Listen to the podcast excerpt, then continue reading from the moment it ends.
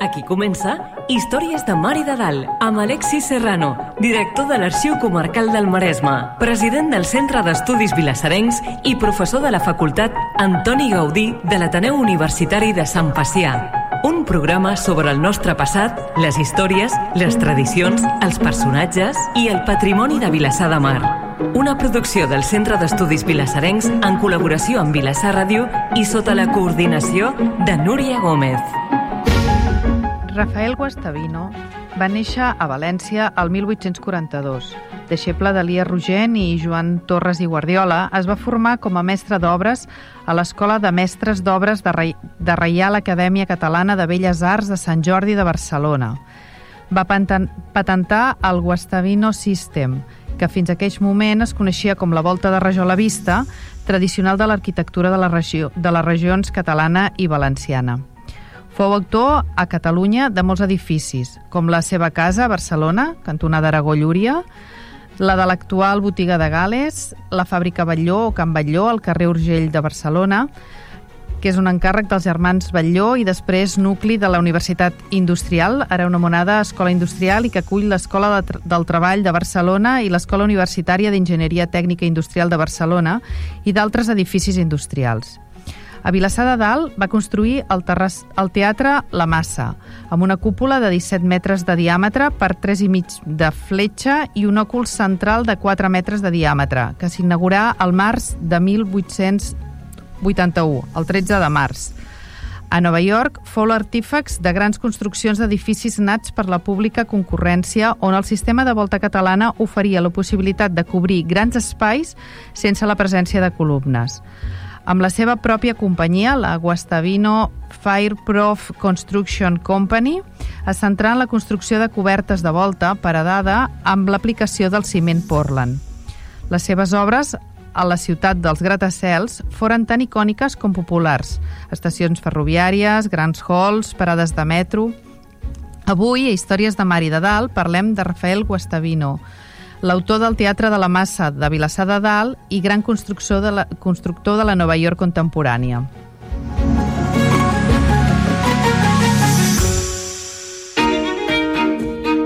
Històries de Mar i de Dalt. Entrant en matèria. Benvinguts. En el programa d'avui parlarem amb en Benet Oliva de Rafael Guastavino i podríem aprofitar que tenim l'Alexis perquè ens en faci 5 cèntims. Doncs eh, anem a veure. Quan parlem d'arquitectura d'arquitectura contemporània és passa sovint doncs, que apareixen grans noms, no? sigui Gaudí, que sigui Elia Rogent, no? aquí a Catalunya, eh, eh, podríem trobar-la d'altres, no sé, en Frank Lloyd Wright o d'altres arquitectes no? que han, han modificat molt la manera que tenim de construir. Quan en la història parlem de, de grans personatges, normalment, grans personatges en majúscules, ens referim a personatges que han deixat un món diferent al que s'han trobat. I jo crec que Rafael de Guastavino és una d'aquestes persones que amb l'aplicació de la tecnologia industrial del ciment Portland a la tècnica tradicional de la volta catalana farà una renovació arquitectònica de primer ordre nosaltres eh, aquí l'agafem pel plec de la camisa perquè a Vilassant, Vilassar de Dalt, ens va deixar eh, una, una gran obra. De fet, em sembla que és una de les seves últimes obres abans de saltar a l'Atlàntic, anar-se'n a Nova York. Eh, però és un, és, és, segurament és l'assaig és l'assaig, el primer assaig en condicions per aquests edificis, eh, aquests grans halls, no? aquestes parades a l'estació que, que estem farts de veure les pel·lícules americanes perquè a les pel·lícules americanes sempre, i a les sèries, veiem com eh, sempre que l'escenari és Nova York, doncs hi ha aquests edificis que, bé, bé ho has dit tu, són tan, tan icònics com populars, no? I són llocs molt estimats per als, per als, eh, pels habitants de Nova York, perquè són llocs eh, que tothom hi ha passat moltes vegades i a més a més són, són espais agradables no? per aquestes cúpules tan grans. No? Aquests espais que sí, que afavoreixen la pública concurrència, la circulació de molta gent eh, al mateix temps, no? són aquestes grans construccions. I això fa un senyor, un senyor que surt de la nostra petita Catalunya, un senyor nascut a València, sí, format a Barcelona durant molt de temps, i que a nosaltres aquí ens deixa una obra una persona que generarà un impacte tan gran que a la seva mort, el New York Times, em sembla que era, publicarà que s'ha mort l'arquitecte de Nova York. Aquesta, aquesta és una consideració que la Vanguardia no va publicar quan va morir Gaudí. Gaudí no va publicar dient ha mort l'arquitecte de Barcelona. Bé, podria haver-ho fet, però en canvi no En canvi, a Nova York, quan es mor Guastavino, eh, el, el titular és aquest. La cosa curiosa és que Guastavino és la cara vista d'una història que és molt més profunda, molt més fonda, que és la de la immigració valenciana als Estats Units cada vegada tenim més monografies que ens en parlen de, de grans eh, de l'onada migratòria valenciana als Estats Units. Els valencians són els grans constructors, són els grans constructors de, de les grans ciutats d'aquesta riba de l'Atlàntic. Eh, trobem unes grandíssimes aglomeracions de valencians que viuran sobretot a ciutats com, com Nova York, no? Eh, i és paradoxal que els valencians vindran a construir el metro de Barcelona el 29, però també construiran el metro eh, amb Guastavino no? i aquestes estacions a, a València. Per tant, el programa d'avui és un tribut als nostres germans de llengua, els valencians, és un tribut, òbviament, a, a Guastavino, aquest arquitecte tan sensacional, i sobretot doncs, és eh, un gran reconeixement a Vilassar de Dalt que ha tingut la sensibilitat de preservar el teatre, restaurar-lo i posar-lo en funcionament i donar una lliçó d'administració eh, de programació teatral eh, que molts altres se la podrien aplicar. I per fer-ho tenim, jo crec, la persona, de les persones més indicades per fer-ho, que jo crec que és el gran balador a Catalunya de Guastavino, que és en Benet Oliva, que és bon amic nostre, eh, molt conegut per, per Vilassar, per Vilassar de Mar, i sobretot molt conegut encara més a Vilassar de Dalt. I ara coneguem el nostre convidat d'avui. Històries de Mar i de Dalt. Coneguem el convidat. En Benet Oliva és economista, president del Museu Arxiu de Vilassar, té dos premis Iluro, eh, un amb industrialització i l'altre amb plet de l'escó, i un accèssit amb petita noblesa del Maresme, i també el Premi Josep Lladonosa per Feliu de la Penya.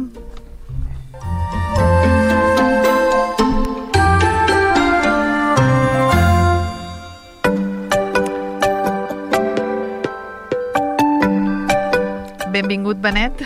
Hola, bona tarda. Uh, ara l'Alexi ens està explicant que en Guastavino era l'arquitecte de Nova York i jo estic segur que, que molts dels nostres oients es deuen estar preguntant què va fer aquest senyor a Nova York, no? I un dels llocs és l'estació la central. El City Hall, sí. Sí, que de fet és impressionant, s'ha de dir. A veure, hi ha un detallet per complementar el que deia l'Alexis. A Nova York, sí? quan arriba Guastavino, l'any 80-81, s'editava la primera revista del món no feta a Catalunya en català, la Llumanera ah. de Nova York. Hi ha un grup potent. Què passa? però en Guastavino no hi surt per enlloc, perquè acabava de fugir d'Espanya amb una estapa financera i estava perseguit internacionalment. Diguem-ho tot, perquè és que la història d'aquest senyor és realment espectacular hi ha una idea clau que és la que nosaltres hem aportat. No quadrava la biografia a l'etapa catalana de Guastavino passaven coses, llavors hi ha un buit, no saps què passa. I va eh, eh, clar, jo havia treballat temes del segle XIX biografies amb, eh, amb la industrialització i me'n vaig donar compte seguida d'una cosa. Tot allò que no quadrava si descobries la seva vida privada era fantàstic un vodevil de la Barcelona mitjans del 19 increïble. És que les cases, aquells entresols de l'Eixample, la, mm. devien anar, bé, amb les històries d'en Guastavino, és que devia, era, devia ser el comidilla de cada dia, eh? pitjor que el Froilán avui en dia, doncs, perquè realment és una història increïble. Aquí hem... Permeteu-me ja, ja gairebé al final, no? En Javier Moro, el Premi Planeta, que ha sí. editat una biografia molt ben novel·lada d'en Guastavino, ah.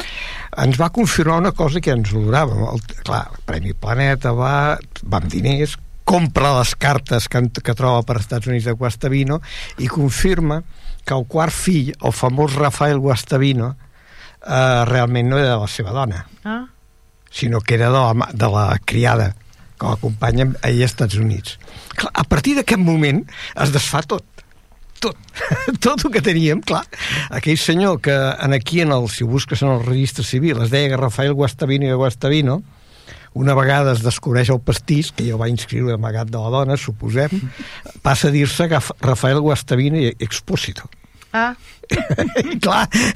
I, I tot, canvi, això, eh? Clar, home, tot va anar evolucionant. És que, per això et dic que la vida d'en Guastavino és fascinant, que és el que ha fet Javier Moro, si ens agafa tot el que hem anat destapant i ho fa tot amb una nota biogràfica impressionant, no? Quin, quin llibre és aquest d'en Javier Moro, si te'n recordes? Uh, ho dic perquè si algú li agafa les ganes que s'ho pugui que se'l pugui llegir. És la, novel·la que ha editat fa poc, que van presentar Val. a Vilassar i ara me'n recordo el títol exacte. Val. Eh? Doncs ara el buscarem més que res, perquè si algú té ganes de saber més coses de, de la vida d'aquest senyor, doncs ho pot fer novel·ladament. Ara, de moment, explica'ns... La, la venda aquesta de no em quadrava és la part economista, no? No em quadraven els no, números i... És que no quadrava, perquè feia coses que dius, a veure, aquest senyor, sí? sense títol, li encarreguen la fàbrica Batlló, collons Sí. Com és possible? O la, o la casa la casa que hi havia a la plaça Catalunya on actualment hi ha la... Pot, po, perdoneu, pot ser a prova de fuego? Exacte, a prova de fuego, sí, pues sí. Vinga. Eh? Eh, us ho recomano perquè està molt ben escrit i, i realment l'home ha portat dades impressionants, eh, també. Doncs vinga, un més a la llista. Em deies uh, sí. l'edifici aquest de Plaça Catalunya. Com és que se li encarreguen mm. aquestes cases singulars des del primer moment, que després no les tindrà? L'explicació és molt senzilla. Ell no està a Barcelona. Ell ve a Barcelona, eh, a, a Branca Valenciana té... A veure, és que s'ha de començar al principi, si no... Comencem pel principi. La història de Guastavino són una història, dues històries d'immigrants. Una a Barcelona i una altra a Nova York. Mm. A de Barcelona hi ha un avi que arriba a Barcelona, eh, afinador de pianos, que té tot un grapat de fills, eh, un grapat, es, viu entre Barcelona, Mallorca amb la guerra napoleònica, València i Madrid finalment, afinador de la Capella Real. Aquest senyor escampa fills per tot arreu, mm. però clar, alguns viuen millor i altres pitjor. N'hi ha un que s'instal·la a Barcelona, que és el quan dic que primer de tot Guastavino és una herència barcelonina, que és mm. Ramon. Ramon Guastavino s'associa amb Pere Bosch i Gimpera i formen una fantàstica eh, cadena d'exportació tèxtil. I, i era sastre i descobreix la confecció amb, amb, eh, per talles. Ha votat tot tu, abans anaves al sastre i no, aquest senyor inventen això. Llavors aquest senyor és, està molt ben instal·lat en el tèxtil barceloní naturalment. Per això els principals sastres i, i fabricants de Barcelona li encarreguen aquestes cases espectaculars que un, a un mestre d'obres sense títol encara no, no li encarregarien. Clar. Aquest és un dels misteri. Per això et dic que la vida privada del senyor ajuda molt a entendre. Entendre què? Perquè el primer que fa arribar a Barcelona, el mateix 59, és fer-li un penal a la filla del Ramon, Val. que era una filla adoptada Eh? Perquè si tu agafa, trobaves la data del primer fill i trobaves la data del casament, diu, no hi ha nou mesos. No quadra. és obvi, no? I fa un penal, que és el que explica amb tot detall. Bé, en, en Javier Moro hi posa més pa que formatge. Ben de novel·lista i el primer penal es produeix a les golfes de la Catedral de València, em sembla que és. Posa-li posa força, mm. força d'allò. Evidentment, això no es pot comprovar, no? Ese no nevero. Eh, si no nevero, ben trobat, que diuen, no? pues vale. A partir d'aquest moment ja tot és un embolic, perquè, és clar, penal, i comença a adjudicar contractes, hi han dues parts en els 20 anys de Barcelona. Entre fins que es mor l'oncle Ramon, l'oncle Ric, i a partir d'aquell moment, quan ja la cosa ja fa aigües, ja no aconsegueix contractes. Aquesta primera fase, sense, sense el títol encara de mestre d'obres, perquè va i va arribar a fer el treball de tancament, li van donar el títol amb un decret del 71, perquè llavors s'obria l'escola d'arquitectura i el mestre d'obres difuminava. Clar, com vas trobant les obres d'en Guastavino? Perquè no podia firmar. No. Uh, per exemple, o la gran obra seva de l'època que ha marcat tendència per tot arreu, la fàbrica Batlló sensacional uh, quin és el problema? doncs que ell no firma firma primer l'Antoni Rovira Trias, que quan li diuen que qui dirigirà és aquell jove que no tenia el títol, els envia a passeig i ho denuncia a l'Ajuntament, i finalment firma un amic d'ell, en Pau Martorell, que aquest sí que havia acabat el títol. Uh mhm. -huh. Llavors, clar, trobar la seva obra a Barcelona és complicat. Aquesta és l'altra part del treball, perquè com ho trobes? Perquè mitjançant les èpoques d'obra sí que cobra ell, cobra que ha fet la feina no firma els planos però ha fet la feina bueno, clar. llavors pots anar aclarint què ha construït és espectacular, eh? les primeres obres innoven completament entre la generació dels grans i la generació que ve darrere dels, Puig, eh, dels Domènec i Montaner, Gaudí i companyia, hi ha un esgraó perdut i és ell. És ell que introdueix, per exemple, això m'ha costat molt, em va costar molt de comprovar. La primera façana a Barcelona de Maó vist. Mm. Cosa que era una heterodòxia, eh? Pues és seva. Ah, sí. És seva. Clar, a part de la fàbrica jo mateixa. Després ho fan altres, que s'ho han adjudicat, però el primer és ell. Serà típicament modernista. Clar, sí. és que és això. És dir, quan vas descobrint eh, amb cronologia i data per data, és quan te'n dones compte que és espectacular. Ha quedat absolutament difuminat perquè, és clar, d'entre no el 80 el i el 90 eh, aquest senyor estava proscrit. Clar. He trobat els, els, els ordres al butlletí oficial de l'Estat amb ordre de quasi captura. Clar. per estafa financera, has dit, eh? Sí, va ser molt bo. Perquè Què va fer aquest senyor? Quan la dona el de Sareta... Quan, sí, la, la dona era la que tenia els calés. Sí. Val. Quan, és que ell tenia dues cases a Barcelona. És que això és una casa amb la dona i una altra al Raval amb l'amant. Ah. Clar, llavors... Mm, a Una doble vida. Clar, a la Barcelona de l'època, que no era massa, no era com ara... No, doncs, clar, la gent... Hasta, tot se sabia. doncs aquest és el, el primer d'allò, no? Llavors, quan la dona s'entrega, descobreix el pastís, eh, ella se'n va a Argentina amb els fills realment seus, i es queda amb la segona casa i finalment es va a Nova York, però té un duro Llavors el que fa, aprofitant que encara no se, no se sap a fora, és emetre, vaig trobar les lletres, emetre lletres de Saragossa i des de Barcelona, perquè amb la herència de l'oncle havien creat ell una colònia agrícola a, a Osca. Sí, i fabricava vi, vi guastavina que guanya premis internacionals a l'època. Ah, caramba. És que és, la història, veritat, és que és per fer una autèntica novel·la, en Javier és la gràcia que ha tingut. Llavors, emet lletres des d'allà i les cobra aquí. Clar, es cobra aquí... S'autofinancia. Mentre està fent el Teatre Vilassar, eh, tot això, es, se'n va per Marsella... No, mm. perdó, aquí hi ha un malentès. Se'n va, però el, va, el vaixell es, dia, es deia Marsella, cosa de la història americana, i s'escapa, però, per cames. I el, això per febrer. I per març la gent es presenta a casa seva, ah, que ja l'aparenta cobrar. I he trobat les actes, que llavors, clar, a veure l'estafa, la gent aixeca acte notarial, és fabulós com els diu, no, està de viatge, el senyor és realment impressionant. Déu-n'hi-do, eh, el col·lega? No, no, us asseguro que és fastuós. A part de l'obra, o sigui, aquí a Barcelona, per exemple, vaig trobar Estats Units, oh, va patentar la volta catalana. Oh, quin estafador. No, ja ho havia patentat aquí vam trobar la inscripció al registre de marques, és, perdó, no era encara patenen, és de les últims privilegis d'invenció, i, i ho inscriu a Madrid, només que l'expedient ha, ha desaparegut, però queda la inscripció. Per Clar. tant, ella, tot el que va fer als Estats Units ho va practicar abans aquí. Aquí va ser com una mica el lloc on va fer els primers assajos, no? He trobat notes amb el diari de crítiques que es creixen de que coi, que fa aquest. Només fa que publicitar-se, va a totes les posicions, penja dibuixos colorejats, això no, eh, trencava tot l'academicisme de l'època. L'home... Mm una de les coses que incorpora és que ell sap vendre's molt bé ell mateix. Home, si s'ha fet lletres amb un cantó i les ha cobrat amb un altre, era un crac, eh? Vull dir, el senyor era molt intel·ligent, eh? No doneu masses idees, eh? Que després no, diran no. que ho han après de nosaltres, eh? Ara costa una mica més, això, no, sí, eh? ara jo crec que... I, I ara us puc explicar una anècdota dels Estats Units. Aquesta és molt bona, perquè me la va explicar un que ho va veure a la seva casa als Estats Units. Perquè que, que ja ho havia practicat primer a Barcelona, els, els embolics de faldilles a Barcelona es treu la, l'amiga barcelonina perquè no s'instal·la, el problema d'idioma i torna cap aquí. Llavors eh, s'aparella amb una guerrillera, una autèntica guerrillera, una mexicana però d'armes tomar, i no li curt res més que posar-se a lligar amb una de Boston, com te feia la biblioteca de, de Boston, no? I la dona s'olora al pastís, i quan ella agafa el tren cap a Boston, li va al darrere amb un vagó més enrere, i sí, sí, i en Rafael Guastavino baixa a l'estació en què han quedat, se'n va a un hotel i, i ho descobreix el pastís. eh, comença a fotre bufetades a la dona i se li emporta un serrell de cabell. En, les, en els papers d'ella a la família als Estats Units encara es conserva amb un sobre el, el tros de, de cabell que li va arrencar. Ostres! Uh, realment és que és fascinant, no? és, dir, és un autèntic vodevil, aquí i als Estats Units.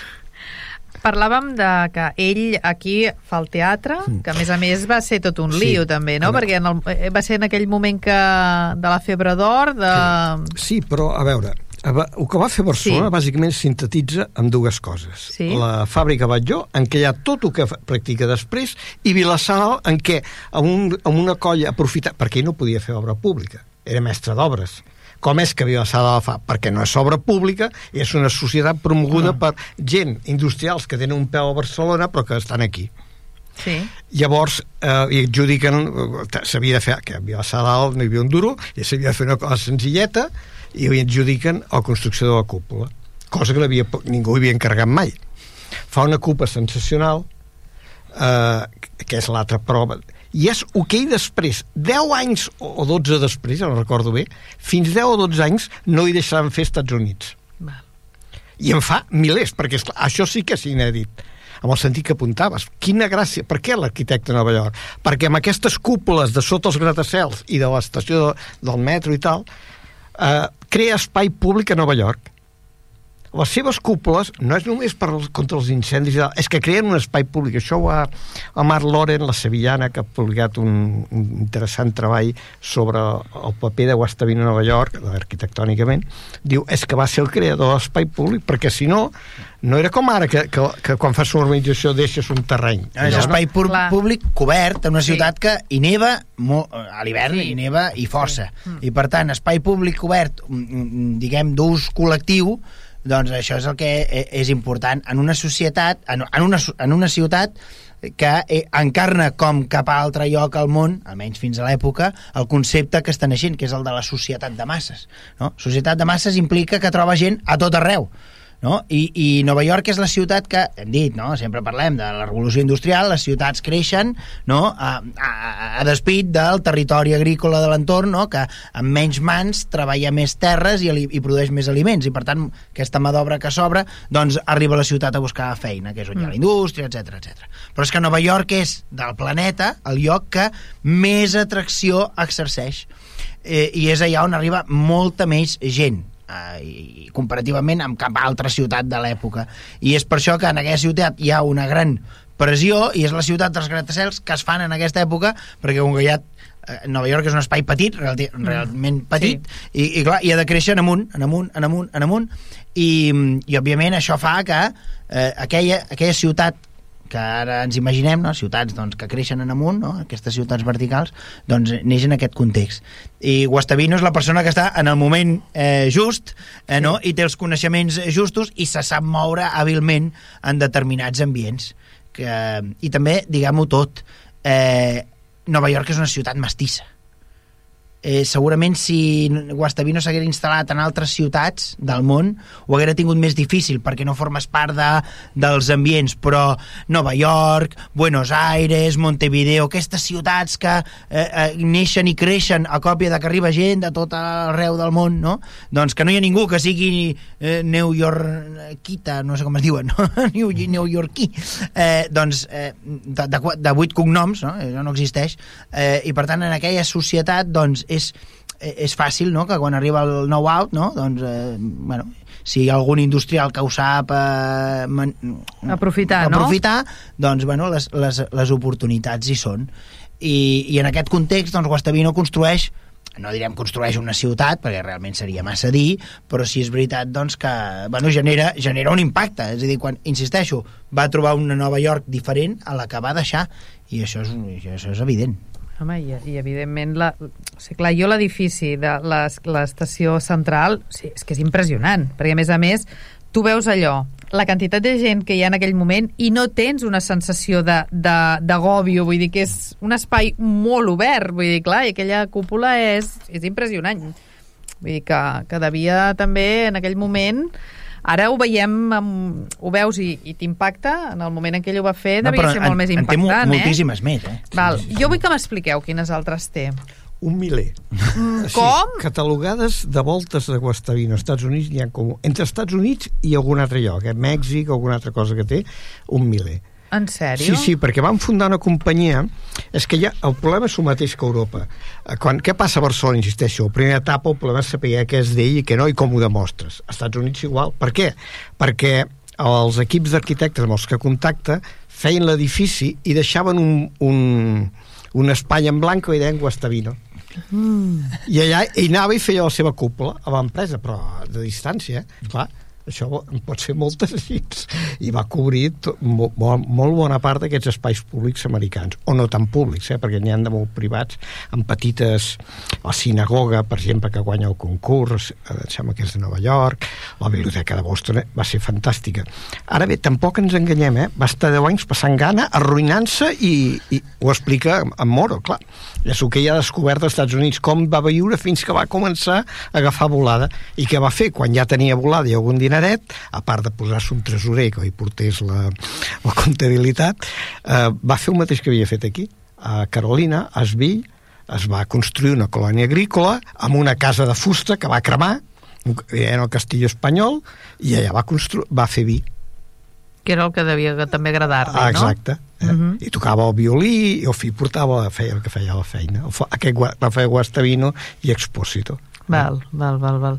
I a part de, per exemple, l'estació central del Central Station de, de Nova York, la biblioteca de Boston, algun altre lloc que diguis el que la gent el pugui... El distribuïdor aquell d'immigrants d'Ellis Island, sí, també, la cúpula ah. és seva. Sí, sí, sí. sí. O, o, no sé si tota la construcció, però la cúpula sí, aquella cúpula. que es veu a les pel·lícules... És dir, ells s'encarregaven un arquitecte que fes un edifici, i quan arribaves a la part de dalt, l'única tècnica assequible que tenien, perquè eh, la gràcia, a veure, explica, una, això pot ser una sí. mica llauna, però s'ha d'explicar una mica l'aspecte tècnic. Què aporta Guastavino realment? Perquè la volta de canó aquí existeix des del segle XVII-XVIII o segons com conti del segle XIV amb els, amb els àrabs a València. Eh? Uh -huh. uh, què aporta ell? Ell, uh, a través de l'Elies Rogent i en Joan Guardiola, aprèn de rep la influència de Violet Leduc. És dir, ferro i ciment. Clar, d'aquelles voltes que hi havia problemes amb, amb tenies que posar un bon gruix, passa a, a poder-se fer a mà sense cindris, que barateix molt, i amb una primera capa de guix i al mig ciment. I tensades en ferro. Clar, això és la novetat. Novetat absoluta. Això va molt bé per edificis industrials, que se'n va fer un far aquí a Barcelona, eh, va molt bé per cases tal, però no s'hi encarregaven edificis significatius com als Estats Units perquè no era arquitecte, no tenia el títol. Era mestre d'obres i agafava pels pèls. I... Ah, si hagués estat arquitecte hagués pogut forrar aquí de llavors. Uh, això sempre ens queda el dubte perquè, és clar, el, com, ella, als Estats Units, uh, això és influència Violet de Duc, França, Belles Arts, mm, importa l'estil gòtic i aquí, evidentment, Gaudí i companyia no són gòtics. No, més aviat no. per tant, el dubte és què hagués passat amb ells eh, aquí, perquè, és clar, la, ell era un, mestre d'obres convencional. És dir, la gràcia dels Estats Units és que encaixa, no? Aquí mm. hagués encaixat amb les noves no, tendències. Possiblement no. Possiblement no. Vist des d'aquest punt de vista, no. I menys no, no tenir el títol, eh? Clar, no, no, però jo et deia, si hagués tingut el títol, mm. aquí potser... Clar, llavors ell agafava un arquitecte, o sigui, algú que era arquitecte feia l'edifici i ell única i exclusivament hi posava la cúpula. I encarregaven la cúpula. Val. Se n'han catalogat un miler. El professor, tenim contacte amb el John Orchendorf del MIT i en té catalogades un miler. Eh? Així de clar. Perquè anem a posar una mica en context. La Vinga. generació del mestre, de l'Elia sí. Rogent, tota aquesta generació d'arquitectes, per tenir el títol d'arquitecte, s'havien d'anar a examinar a Madrid. Ah, exacte. Aquí no hi havia cap cap eh, institució que donés el títol d'arquitectura. Diguem-ho també, eh, l'Elia Rogent construeix l'edifici de la Universitat de Barcelona. Per què construeix la universitat? Doncs perquè prèviament la universitat no tenia seu a Barcelona. La universitat totes les universitats de Catalunya i les escoles majors de Catalunya han estat suprimides a l'abric de la nova planta al segle XVIII i només se n'ha permès una, que és la de Cervera i durant molt de temps la gent s'ha de formar a Cervera. Però a Cervera es donen títols de teologia i dret, que a l'antiga, perquè ens entenguem. A Barcelona hi ha la, es, eh, hi haurà la, la, la Junta de Comerç que anirà periòdicament reclamant a la, a la monarquia que dongui permís perquè aquí hi hagin estudis superiors, perquè no hi ha estudis superiors. No? La gent, la Junta de Comerç fa uns cursos per capacitar la gent, però no hi ha estudis superiors. I per tant la gent que en, en absència de, de, tenir, de, de poder treure's el títol d'arquitecte es treuen els títols d'això, de, de mestres de, de mestres d'obres, de mestres de cases i aquell que va a Madrid i, i paga els drets exàmens i s'examina pot tenir el títol d'arquitecte. Per això tenim molts pocs arquitectes amb el títol d'arquitecte fins la generació de l'Ia Rogent perquè ens entenguem. Després, quan es restitueix la Universitat de Barcelona, la construeix l'Elia Rogent, com construirà també el Seminari Conciliar i la Presó Model i altres edificis d'aquestes característiques, en aquesta ciutat de Barcelona que han derrocat les muralles i que s'extén per l'Eixample, doncs eh, es començaran a formar a la Universitat de Barcelona es, donaran, es començaran a donar títols, títols d'arquitectes. Se'n donaran 8 l'any i per això els coneixem a tots, sempre ho dic, la generació dels modernistes els coneixem a tots. Eh, I eh, a partir d'aquest moment tindrem arquitectes amb, tipus, amb títol d'arquitecte. Però això no fa que els mestres de cases desapareguin. Seguirem tenint mestres de cases que seguiran heredant l'ofici de pares a fills i seguiran fent la major part de les cases del mm. nostre entorn i fins i tot alguns faran eh, eh veritables, veritables proeses ja, això eh, eh fent algunes construccions que semblaran modernistes o noucentistes, no? És dir, imitant el que fan els acadèmics. Uh mhm. -huh. Però eh, Guastavino és, li passa que és una persona que es queda a cavall entre una cosa i l'altra i aquí no hi ha espai per fer grans construccions perquè, òbviament, en aquesta època ha quan a mesura que tens aquests mestres d'arquitectura, després tindràs també el col·legi d'arquitectes, que s'encarreguen, un, col·legi un col·legi professional que es cuida d'associar la signatura amb el codi, amb el número sí. de col·legiat, no? Uh -huh. I per tant, per validar, per visar una construcció, ha de tenir el teu eh, sí. la, la signatura i el, i el segell de, uh -huh. del col·legi. Clar, ell no podrà, per no tenir el títol d'arquitecte, no podrà col·legiar-se i tenir, i per tant no pot eh, rebre aquests encàrrecs. No sabem si haguera tingut lloc o no a la Barcelona de l'època, el que sí que sabem és que la realitat és que va acabar marxant i va trobar lloc a un lloc on no vull faltar als companys i als amics de Barcelona, però òbviament Nova York, la capacitat de florir, és a dir, l'impacte que va generar Nova York, doncs no és el de la Barcelona. De fet, a Barcelona, quan parlem de Barcelona i arquitectura, sembla que només hi hagi Gaudí. No. Costa molt destacar, fins i tot sent un Domènec i Montaner mm. o un Puig i Cadafalc. Sí. Eh? perquè eh, jo, és a dir, jo no sé si en Guastavino s'haguera quedat si, si avui en parlaríem gaire no, avui, Mira, concretament, al programa no ho sé. Sí, és, és que això que apunta és molt interessant, perquè hi ha unes guerres, això ja no s'ho imagina, les guerres corporatives entre arquitectes, enginyers i mestres d'obres en aquella època. Per exemple, ja he explicat el cas d'en Rovira i Trias, amb la fàbrica Batlló, eh, em ve el cas, un altre cas que vaig destapar, precisament de, estava els papers al Col·legi d'Arquitectura. Elias Rogent. Elias Rogent presideix un tribunal per adjudicar un projecte dels, dels docs del port, docs privats, eh? Uh -huh. s'hi presenten, entre altres, en Guastavino. He trobat la crítica que li fa Elias Rogent en en Guastavino, perquè apunta a arcs apuntats, dels que farà servir Gaudí que no va poder construir lloc perquè ningú li hi deixava, no? Uh, I tomba el projecte, queda desert, i mira quina casualitat, després fa la feina s'autoadjudica l'Elias Rogent ah. i el projecte s'assembla escandalosament a les voltes d'en Guastavino reacció d'en Guastavino, se'n va a Madrid i patenta la, la seva volta. Val. Eh? Eh, però arriba a aquest nivell. És dir, I aquestes coses, clar, ara ho explica, s'han passat molts anys i ja, anècdota, no? Però en aquella època, a Barcelona, a l'època, això devia... Home, home devia ser està fort, clar, no? Està clar, està clar. Déu-n'hi-do, déu nhi déu Uh, Digueu-me més llocs de part de la illa de, dèiem, d'Ellis Island, Island uh, dèiem l'estació, Boston, la sinagoga, algun altre lloc així que la gent que hagi anat a Nova York o a Estats Units... Bueno, moltes de les parades del metro moltes cèntriques. Metros. City sí? Hall. Sí. El City Hall. També? Sí, és la, està considerada la catedral de, dels subways. Està bloquejada, no s'hi pot... Doncs, ah, anava a dir. Està anul·lada, però és va una d'aquelles estacions fantasmes. Sí. Precisament aquests dies he vist un article sobre el tema, que em sembla que us he enviat i tot, eh, perquè en aquest moment tornen a sortir articles eh, sobre Guastavino. Alguns diuen tonteries que no se'n treuen, però vaja.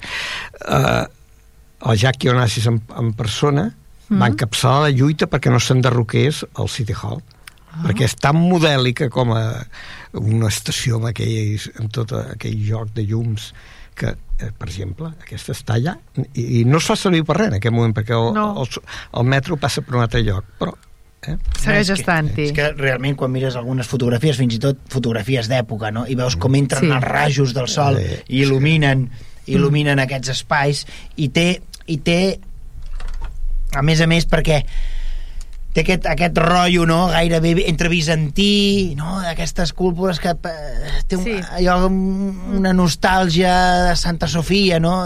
d'Istanbul sí. no? amb honor a la veritat també us has dit una cosa que ja ho havíem llegit i que ho vam comprovar quan vam fer la remodelació del Teatre a la Massa. Eh, era la seva primera cúpula. Eh, hi han, eh, en paraules del tècnic que va venir a mesurar-ho, hi han totes les aberracions acústiques segudes i per haver. Ah, eh?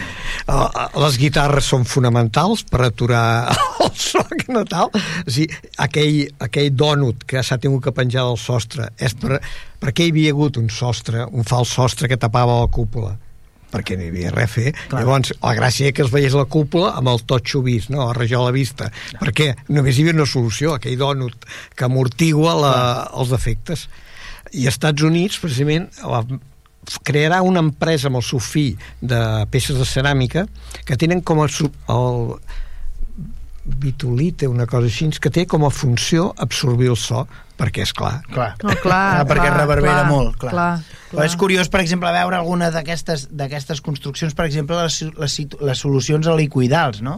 de les escales, com, a, mm. com el, el maó pla doncs, et permet fer, la, adaptar, que això ho veiem a l'arquitectura a l'arquitectura tradicional del segle XVIII, es veu mm. els palaus els palaus del carrer Montcada, no? Eh, però clar, ell eh, li porta, ho porta, doncs clar, amb, amb, amb, amb a un extrem, diguem així, industrial i, i sobretot molt econòmic perquè clar, no només és molt econòmic en termes materials, dir, perquè el maó és el més barat que hi ha, sinó que a més a més és, és ràpid de construir sí. és molt ràpid de construir perquè clar, eh, i, llavors, i això és el que importa en, sí. en, en una ciutat que creix i creix i creix i creix sí. eh, clar, tot això doncs, eh, i, i realment, clar, el que se diu com, com ningú altre doncs, a una societat industrial que el que prima és el temps, la velocitat, etc etc. Mm. Eh, sí, la... Aprofito per fer una cunya vilassarenca.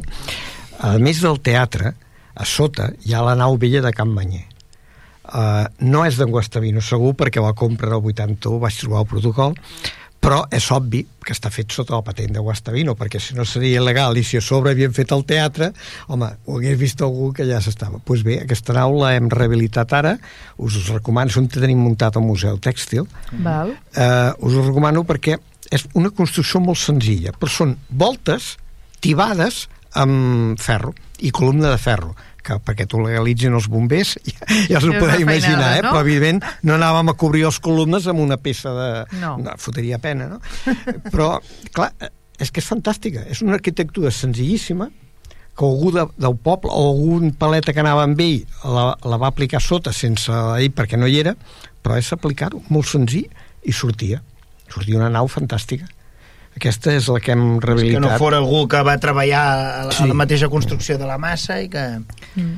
I que... Per exemple, a la massa eh, treballa un dels paletes que vaig detectar que treballava en naus d'ell a Sant Mar a Poble, a Poble Nou, a Sant Martí de Provençals eh? el mateix nom, ara recordo el nom, Josep, no mm -hmm. sé què, eh, és el mateix, clar, ell tenia que tenir uns paletes que sabien fer allò que no sabia fer ningú més, que ho acompanyessin, si no, no quadrava. Ah, però ell tenia la idea i sí. algú havia de, de posar-ho en pràctica, no? Ara comentaves que, que es torna a parlar d'ell, que tornen a sortir sí, articles, per què creus que ha passat això? Perquè això, eh, és que és plena actualitat. Quan la gent s'ho comença a mirar, dius, sí. però si bona part dels edificis aquests significatius estan a la mar de bé, aguanten i ara bé, clar, cadascú, mira, l'altre en llegia un que, que m'he dirigit a l'autor per saber on t'ho treu, mm. que Guastavina de maçó dels ritus escocès. Ah. Dic, tu has tret això. I encara va contestar perquè no quadra. És dir, primer, ell, als Estats Units té un problema afegit, que és que no sap anglès Ah, Ah, bueno, pues, però de fet tampoc encara- tens que saber-ne gaire d'anglès a Nova York perquè tothom parla castellà o molta gent, però no? per relacionar-se amb aquests grans contractes dels Sí, grans això arquitectes era imprescindible. Sí, El- perquè el capital Sí, estava en mans. sí, eh? sí, sí. És a dir, els una- immigrants sí que eren molts eh, hispans o, o fins i Sí, tot però- valencians, però, però el capital està en mans de qui Mm. està. Eh? Això. Ara com aleshores. hi ha un Navarro, que és un altre d'aquests triomfadors, em sembla que ve del País Basc o per aquí dalt, que és un gran potentat, i que és el contacte, que el contacte amb Angüell i construeixen la, la fàbrica d'aquí dalt, amb el xalet d'aquest Geràs, que es diu ara no me'n recordo el nom bueno, la cimentera, la primera cimentera d'horns rotatius de, que hi ha hagut a l'estat espanyol Mm. aquesta ha estat una, una polèmica aviam com es diu el, el fàbrica de ciment de Clot del Moro ara ah. recordo aquesta ha estat una polèmica que, que es ve arrossegant fa anys com pot ser en Guastavino si està als Estats Units i no estava per tornar eh? perquè um, fa anys amb alguna de les cartes encara pregunta si, a, a amics d'aquí si se'l persegueix encara Ah, Encara s'ho pensava. i eh, aquesta fàbrica és, és sensacional, vaig estar fa poc, és una llàstima com s'està aquí malbaratant el patrimoni, estan caient, hi ha pas que estan caient, quan una rehabilitació eh, de dalt a baix... Eh, és un sistema de pendents amb voltes apuntades que, que s'adapta um, va ser un desastre econòmic al principi perquè el, el sistema de voltes no estava pensat per aquesta tecnologia i llavors van agafar un, un altre grup europeu i ho van reconvertir tot i no van acabar la fàbrica, per tant només ja ha fet a mitja fàbrica però, però que s'ha anat aclarint i ho publicita la mateixa empresa a pocs anys després estava inspirat per Rafael Guastavino és sensacional el sistema de construcció Mm, aquí ha costat, eh, ja us dic ara sé que s'estan fent s'ha fet una part rehabilitada, de tant en tant s'arregla alguna altra, però la part de dalt darrere ja ha caigut mhm. mm, una pena. és una obra única realment eh? El que costa de creure, el que costa de creure és com una, una arquitectura tan sutil, no? Un, un sàndwich així tan, tan primet, no? I com allò pugui donar pues això, tanta llum, tanta, tanta, tant d'espai cobert amb, amb, amb un material tan finet. I, i, i, i a mi per més que m'ho expliquen i per més que hi llegeixi, eh, jo segueixo pensant que és com màgia. Mm, em passa també quan estudio la cúpula de Brunelleschi de, de Florència. És a dir, allò que per l'aproximació de filades i posats en espina de peix i no sé què, i penses, però com ho van saber? Com, I, i com s'aguanta encara dia d'avui? I com, perquè, clar, van construir la catedral i van deixar l'espai al mig i van dir, bueno, algun dia Algun ho sabrem dia. cobrir amb una cúpula. Mm però va estar anys que plovia dins de, la, dins de la catedral de Santa Maria de les Flors de Florència. Fins que va, va venir Brunelleschi i va dir, ah, això ho cobreixo jo amb unes espines de pell bueno, mai ningú ho havia fet abans. Eh, aquí la cosa és eh, eh, no deixa de cridar l'atenció perquè la, la massa ja, és una, ja són unes dimensions considerables. I no hi ha ni una columna que aguanti res no? Ja, ja és unes dimensions veus les columnetes allà dels palcos no? i poca cosa més però realment allò és tot aire Sí. i, però clar, és que després quan va als Estats Units les dimensions són encara més Més grans. més grans Mm. i a vegades són cúpules i a vegades són voltes i a vegades són, són jocs d'una cosa i l'altra no? amb, amb, amb, amb, amb trompes, amb petxines eh? amb tot allò que estem acostumats a veure en el llenguatge doncs, de la història de l'art tot allò aplicat clar, ells als americans això els hauria de sobtar molt i els hauria agradar molt, segurament, perquè clar, no forma part del seu llenguatge visual. Nosaltres anem a les catedrals i veiem voltes de creueria, veiem doncs això, les petxines, les trompes, etc. Tot això ho veiem. Eh, més o menys, no ho tenim a casa. Mm. A casa algú té la volta de mocador, no? La, hi ha gent a casa, a les cases de Vilassar, de Mar i de Dalt, doncs tenen les voltes de mocador, mocador com el mocador del, Sí. del paleta, no? Sí. aquestes quatre, aquests quatre costats, però, però realment, diguem que nosaltres forma part una mica del nostre paisatge arquitectònic. Als Estats Units això no existia, eh, prèviament això no existia, i, i, i formarà part a partir de a partir de Guastavino formarà part del seu paisatge però igualment no hi ha masses més edificis que tinguin aquesta, aquesta arquitectura però i sobretot aquestes dimensions no? per això que s'entén no? que quan va morir doncs, el New York Times digués això no? Sí. que mort l'arquitecte de Nova York Eh, no- no és una consideració menor eh? no crec que hagin fet servir aquest apel·latiu gaires més vegades No, segurament que no, eh? Segurament que no. Um, com com arribes a, a, a saber totes aquestes coses d'aquest senyor i enterar-se'n de, de tot Home. això? Sí, suposo que l'interès comença per, pel teatre, Home, clar, evidentment, que... que el tens allà al costat de casa i dius, i aquest senyor, mm, Sentim què, no? feia molts anys, pensa que sembla un acudit, però periòdicament els socis del Massa s'espantaven sí. i carregaven informes a un arquitecte perquè si jo podia aguantar o tenia que caure la demà passat. Eh? Hi ha un truco que està tapat el sunxo de cer. És dir, a tota la base de la cúpula posaven un sunxo de cer que ho lligava, perquè si no hi van haver uns moviments fa 10 anys i s'hagués anat a terra ja. Eh? Per tant, eh, la tècnica és aquesta. Allò tensa, el mateix que hi ha a les fàbriques, que són els, els tirants que aguanten, la, que sí. no se t'obri, aquí hi ha un sunxo al peu de la cúpula que et permet aguantar tensat com una unitat. Per això, i s'inventa una teoria que s'ha demostrat que és falsa, eh? i els seus escrits als Estats Units van aquí, que és l'arquitectura cohesiva. Mira, hi ha un congrés, em sembla que ho tinc per aquí, això, als Estats Units, eh, si tinc, no, no ho porto, no ho porto, llàstima. Eh, amb aquest treball eh, el poso al principi de tot. El Congrés d'Arquitectura de 1890 eh, en el qual defineix una eh, s'explica una tradició, Elia Rogent, tal, tal, Guastavino i, i altres, no? I uh, allà es, uh, es patenta, es agafa ressonància mundial el que diu arquitectura cohesiva. I és que una vegada feia aquestes construccions, el conjunt eh, actuava com una unitat, cohesionada. Uh mhm. -huh. És quan Bassegoda se n'en fot i diu la cúpula sempre treballa, o la volta la volta de canó sempre treballa, sempre tensa cap a un lloc o a l'altre. Sí. Una altra cosa si tu aconsegueixes anul·lar, però, però no és una, una peça cohesionada, si no controles la tensió se'n va a terra. Mm. Clar. Aquest és una, un aspecte que s'ha de tenir en compte perquè alguna vegada hi ha hagut una escardada. Per exemple, hi ha una imatge famosa de la Biblioteca de Boston que els hi cau una peça i fa un forat al mig de la cúpula, es veu. Però la cúpula s'aguanta perquè treballa tensada encara que es trenqui pel mig un forat enorme, reconstrueixen el forat i allò I continua. Està. És un dels aspectes... Eh, però aquest concepte que hi va elaborar d'arquitectura sí. cohesiva, això no... no, no. Tècnicament s'ha demostrat que no. Que no. Està tota la seva bibliografia, parla de l'arquitectura cohesiva. Bueno, i no. però de fet, de fet ell no, arriba a la conclusió equivocada, sí. és veritat però l'empirisme el porta sí. a la solució acertada. És que això és un mestre d'obres. Ah, sí. Un mestre d'obres volia dir unes fórmules, s'aplicaven i feien allò, guastavines, però excepcional com per anar més enllà de mestre d'obres.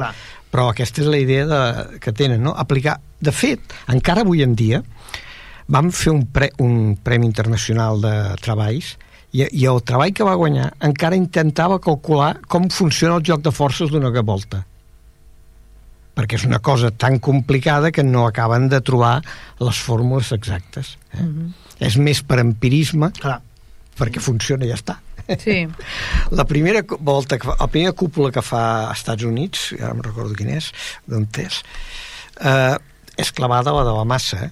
allò funcionava Després va, es va atrevir bueno, més. Bueno, atrevint a millorar, de dir, vaig a provar una altra cosa, li funciona i el, el suposo que... Clar. A veure, que, que era un tio un espavilat, està claríssim, eh? Vull dir, perquè vull dir, es va saber buscar les garrofes aquí i, i se les va saber buscar als Estats Units tenint doncs el que deies, no? un miler de cúpules, un senyor que no parlava gota d'anglès, no? Vull dir, poca broma, eh? No, no sé si nosaltres seríem Suposo capaços, que al final eh? alguna cosa dirien. Home, clar. Va xapurretejar una algo, mica, diu, no? però el traductor era el sí. fill, eh? Que com havia estudiat allà, aquest sí que una, va, va agafar això ho explica el mateix Javier Moro perquè, és clar, és quan mires el paperàs americà dius, cony, aquí hi ha alguna que no quadra aquest senyor com i ell ho explica, la dificultat. Aquest senyor era molt llest. Sí, M'he deixeu-m'ho sí, dir, que aquest senyor era molt llest i se sabia també buscar la, les persones que, que l'ajudessin. Jo perquè m'haig d'esforçar, si tinc algú que m'ho fa, i jo me dedico lo meu, no? Jo, de fet, crec que és una de les figures de l'arquitectura catalana,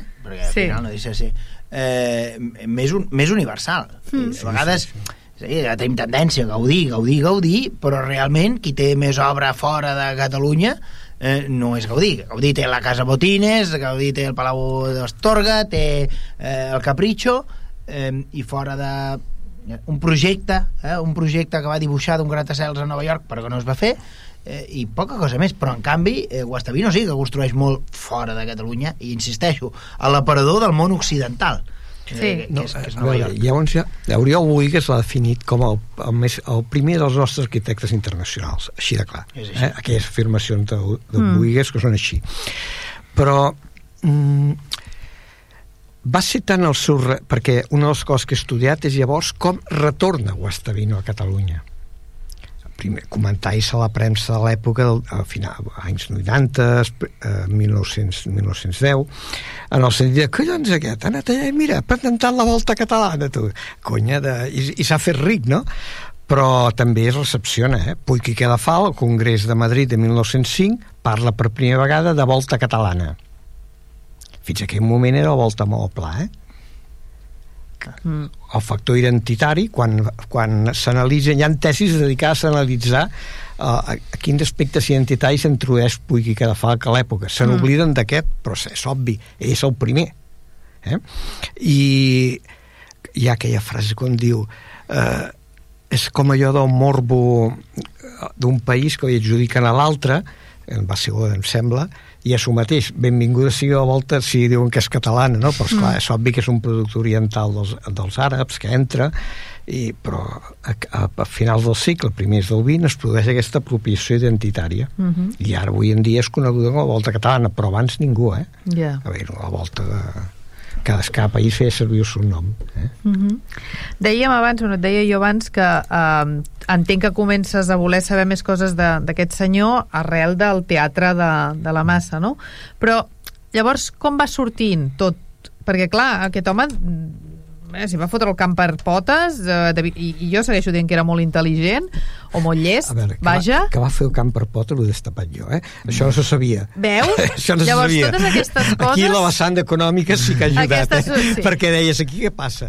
Eh, és que, a partir, jo us dic, va, quan aquí amb gent com en Josep Samón, l'Agapi Borràs i altres comentàvem aquests temes, deies, cony, és que la biografia d'aquest tio no acaba de quadrar per enlloc. Eh? Però què, què, què, què vol dir? Fa uns edificis primer? Però per què? Qui, qui hi encarrega si el títol? I després per què toca el dos? I per què s'emporta un fill i els altres no?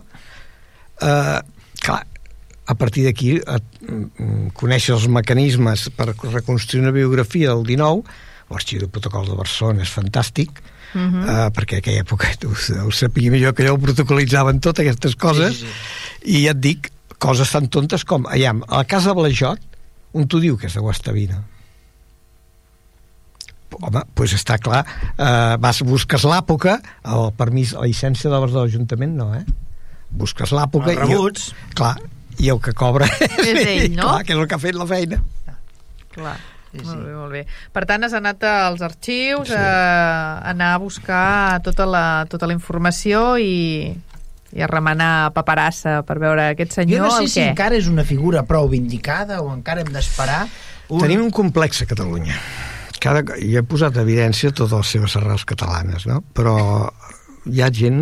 Nosaltres vam arribar a fer una comissió a Guastavino amb Generalitat, Diputació, Ajuntament de Barcelona, i sempre veies que hi havia qui era reticent, perquè, home, sembla que ens apropiem d'un valencià.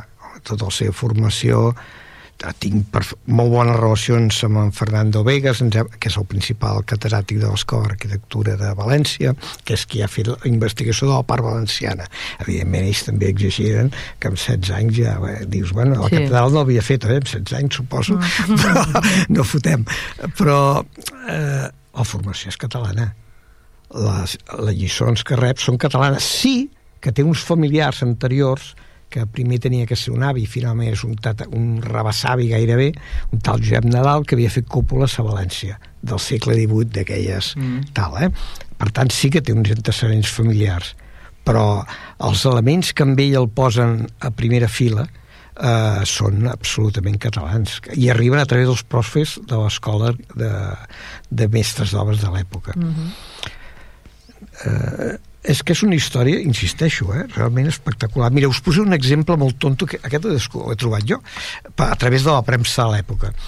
Eh, era tant l'arquitecte de moda que quan els famosos joiers Marriera estrenen la seva nova botiga al carrer Ferran, que en aquella època era com el Passeig de Gràcia de l'època, eh? doncs li encarreguen amb ell. Ah. I no consta en lloc que jo fes, però tu mires els... Hi ha tot un equip de fusters, tal... Però el que porta el disseny és ella. Ell. Clar, és una cosa tan fungible com un aparador. Clar amb tot el, el que era un aparador de l'època, sí, clar, eh? Mm. però potser és dels primers operador, eh, aparadors de l'època, això no, no estic segur, eh? que tenen un, aquest toc ja modernista que li dona un caire diferent.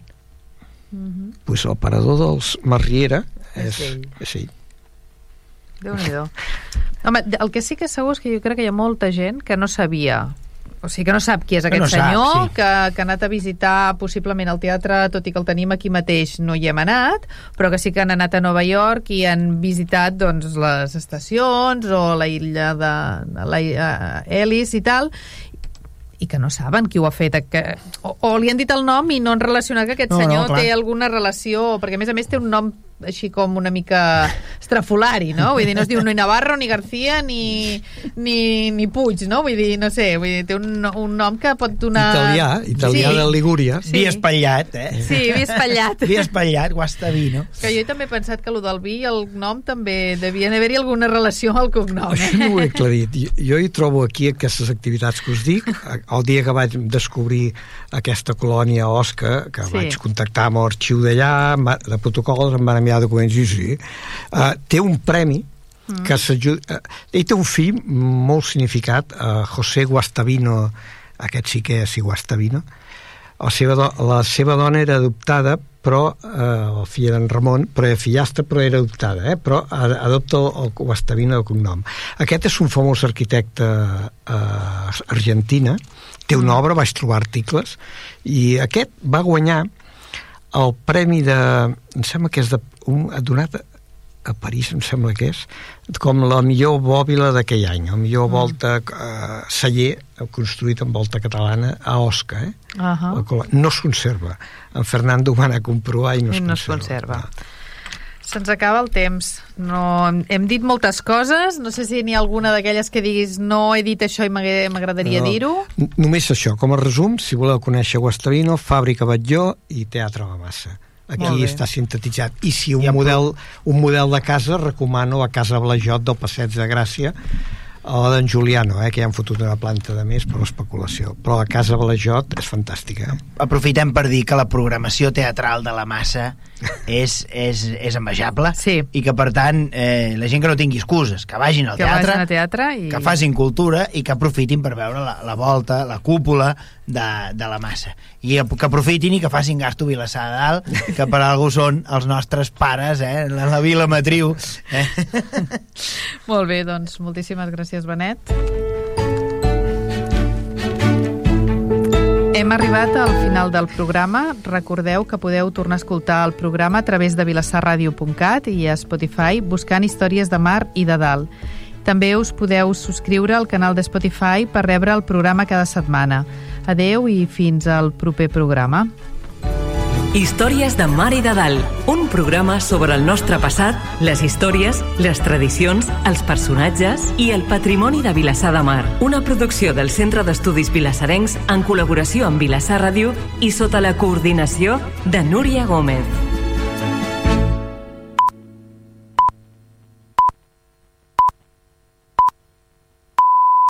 Vilassar Ràdio són les 10 de la nit.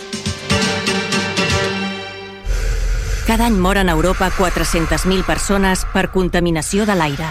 Nosaltres ja estem aplicant diferents mesures per afavorir una mobilitat més saludable.